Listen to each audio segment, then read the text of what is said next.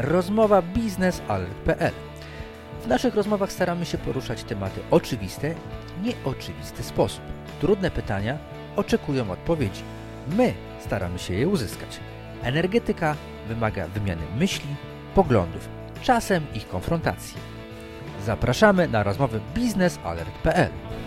Szanowni Państwo, nazywam się Wojciech Jakubik. Będę miał dzisiaj przyjemność porozmawiać na łamach biznesalert.pl z wiceprezesem PGNiG do spraw rozwoju, z panem Arkadiuszem Sekścińskim. Dzień dobry panu.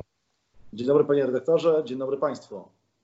Rozmawiamy sobie zdalnie w nowych realiach y, i rzeczywiście dominuje temat y, koronawirusa, z którym zmaga się każdy, zmaga się też PGNiG, ale PGNiG zmaga się też z innymi y, zmianami na rynku, tymi bardziej optymistycznymi, które są pewną szansą także dla Państwa firmy. I Pan jest odpowiedzialny za projekt wodorowy. Niedawno ogłosili Państwo program wodorowy, który ma wspierać technologie związane właśnie z tym paliwem. Chciałem zapytać o trendy europejskie. Jaka jest współczesna polityka wodorowa, w którą stronę będzie się rozwijał wodór w Europie we wszystkich swych licznych obliczach? To faktycznie jest e, bardzo dobry temat w e, tym momencie, bo mamy na agendzie tak zwany Green Deal, Zielony Ład i on w pewnym stopniu nadaje pewnego rodzaju ramy dyskusji w Europie i krajach członkowskich e, dotyczące e, szeroko rozumianego sektora energetycznego. I faktycznie z punktu widzenia takiej spółki paliwowo-gazowej jak e, PGNiG też nas to mocno dotyka. Czyli nie tylko koncerny energetyczne będące osadzone w węglu, ale nas, spółkę gazowniczą. To dlaczego? Dlatego, że gaz również e, trafia na taką listę e, paliw ze znakiem zapytania. Trwa cały czas dyskusja, na ile gaz ma być paliwem przejściowym, na jak długo, ale ta transformacja w kierunku zielonej energetyki, stąd nazwa właśnie Green Deal, no jest już tym wektorem takim dość jednoznacznie określonym. Z punktu widzenia Polski, czyli państwa opartego o, o, o węgiel, to mówimy o pewnego rodzaju no nie ewolucji, ale wręcz e, rewolucji. E, e, I my w tej ewolucji, a może i rewolucji, no chcemy się dobrze odnaleźć, tak? Czyli wydawałoby się zagrożenia przekryć nasze szanse. Czyli już dzisiaj podejmujemy się wskazywania zalet i, i potrzeby, aby gaz był cały czas tym paliwem z dużym wolumenem zastosowania, ale jednocześnie liczymy się z tym, że ten gaz z czasem może być zastępowany przez y, wodór. I dlaczego właśnie wodór ma być tym zielonym paliwem w odróżnieniu od gazu kopalnego, który rzeczywiście jest paliwem kopalnym? No ale gdyby Pan mógł przybliżyć mniej e, doświadczonym widzom, dlaczego ten wodór właśnie jest czysty? Tak, no e, jedna rzecz znowu e, nawiązuje do tego Green Dealu, Zielonego Ładu, bo e, Komisja Europejska i blisko już połowa państw członkowskich jednoznacznie mówi, idźmy w kierunku odnawialnych źródeł energii. Te odnawialne tak źródła energii mają pewnego rodzaju specyfikę związaną z niesterowalnością, szczególnie jeżeli chodzi o energetykę wiatrową na lądzie. I w tym momencie nadwyżki z odnawialnych źródeł energii bardzo dobrze to widać w Niemczech, e, szczególnie, które są liderem w zakresie zainstalowanych mocy, bo grubo ponad 40 tysięcy megawatów wietrze.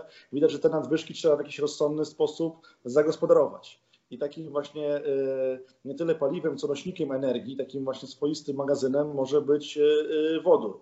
Ale w jaki sposób miałoby następować to magazynowanie? No chociażby przez zatłaczanie wodoru, który jest gazem, tak? To jest, to jest H2 z, z chemii, no tak.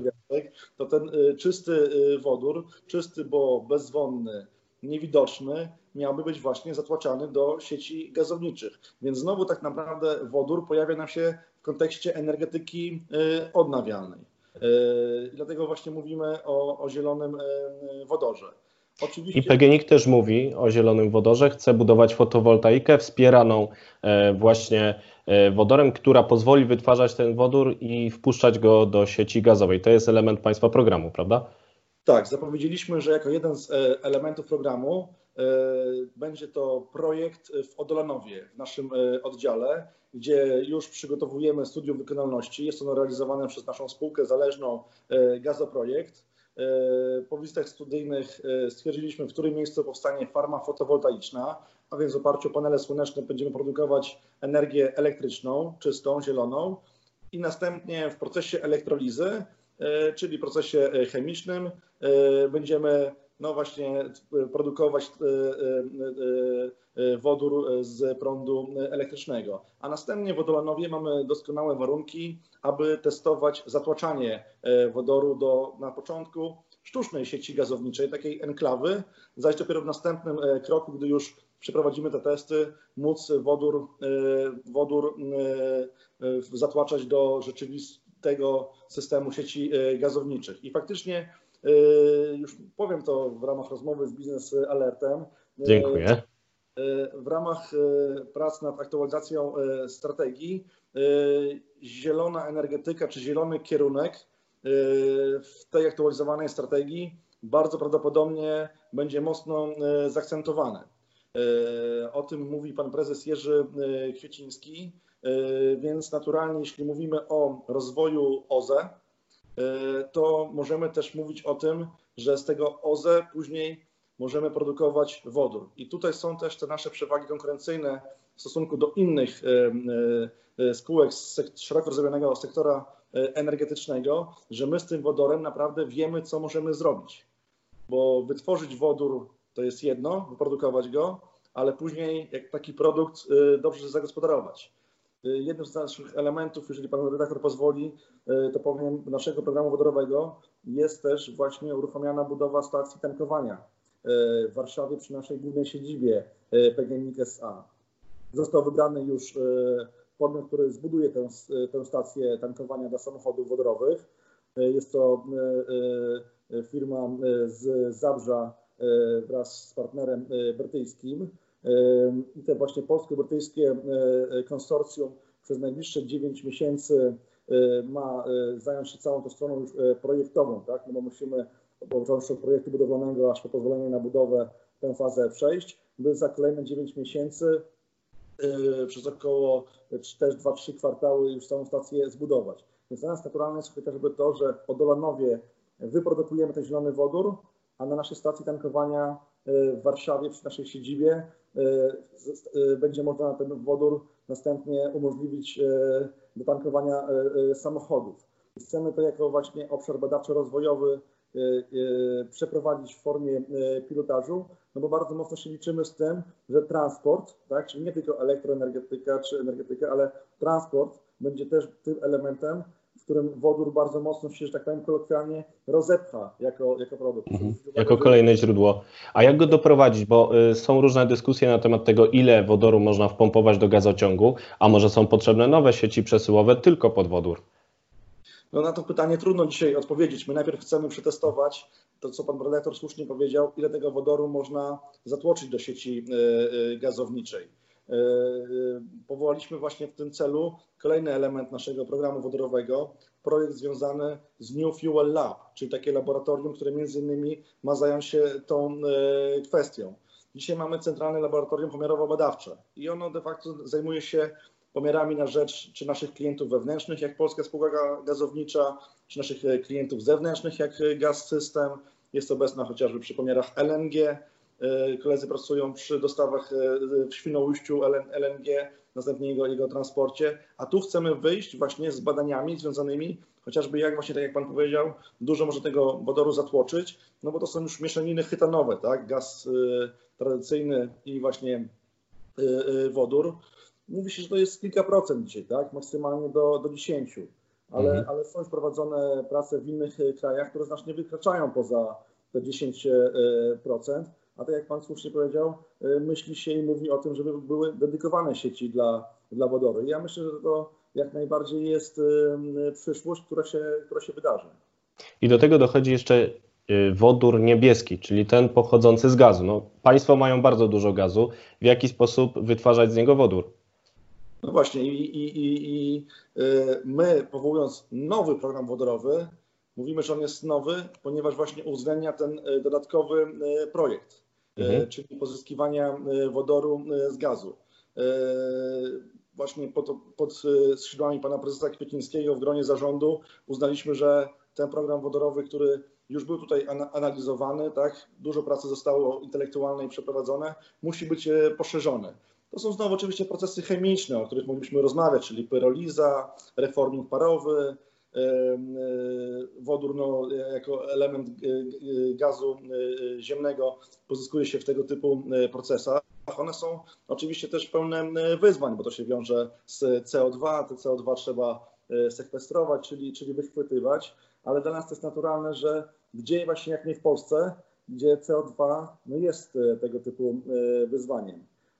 I jeżeli będzie szansa porozmawiać w przyszłości, to, to, to chętnie się podzielę, których miejscach chcielibyśmy e, znowu osadzić, tak? w których lokalizacjach e, tego typu e, projekty, żeby, żeby właśnie zająć się od razu pozyskiwaniem nie tylko wodoru, ale i sekwestrowaniem CO2.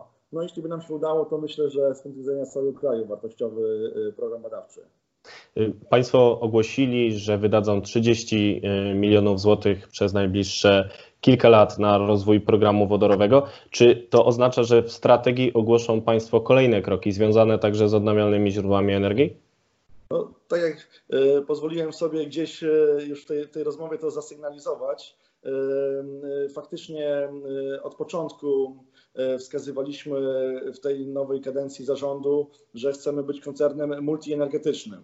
Znaczy zostało wykonane e, mnóstwo wartościowej pracy, które powodują, że dzisiaj e, PEGNIK jest mocno osadzony e, w tak zwanej branży upstreamowej, ale chcąc być koncernem multienergetycznym, chcemy wchodzić w dodatkowe segmenty.